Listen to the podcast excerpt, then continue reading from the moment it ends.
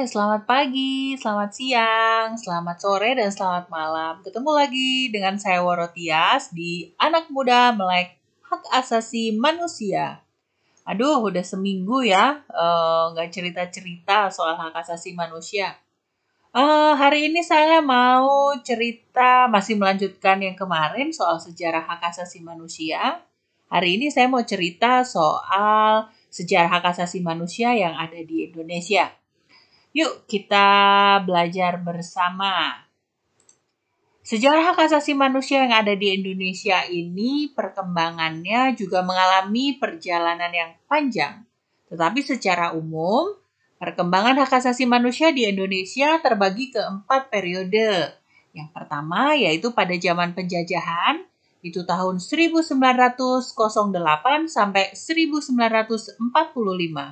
Kemudian pada pemerintahan Orde Baru, ini di tahun 1945 sampai 1966.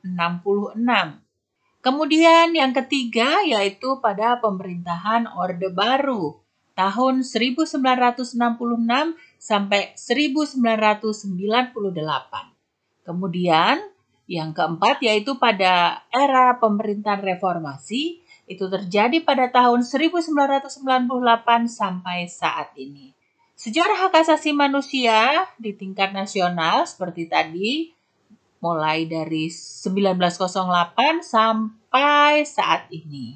Pembelajaran dari sejarah HAM yang ada di Indonesia dan juga mungkin di dunia itu semuanya bersifat dinamis dan semua umat manusia memiliki kepentingan, kepedulian, dan nilai yang sama yaitu untuk hidup dan martabat manusia. Cakupan dan metode yang mencapai hak bisa saja berbeda sesuai dengan konteksnya, tetapi itu semua harus mengacu pada standar HAM internasional. HAM bersifat mendasar dan relatif. HAM itu harus diperjuangkan. Kira-kira kenapa ya? Salah satunya adalah adanya peristiwa penindasan dan kesewenang-wenangan. Yang kedua, adanya tindakan zalim dari para penguasa kepada rakyatnya. Oke, sejarah hak asasi manusia di Indonesia memang tidak terlalu banyak.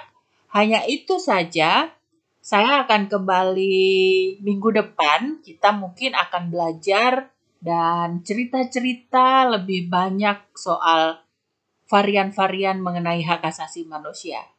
Penasaran? Tunggu ya, sampai ketemu minggu depan dengan saya Worotias di Anak muda melek ham, siapa takut dan pasti keren.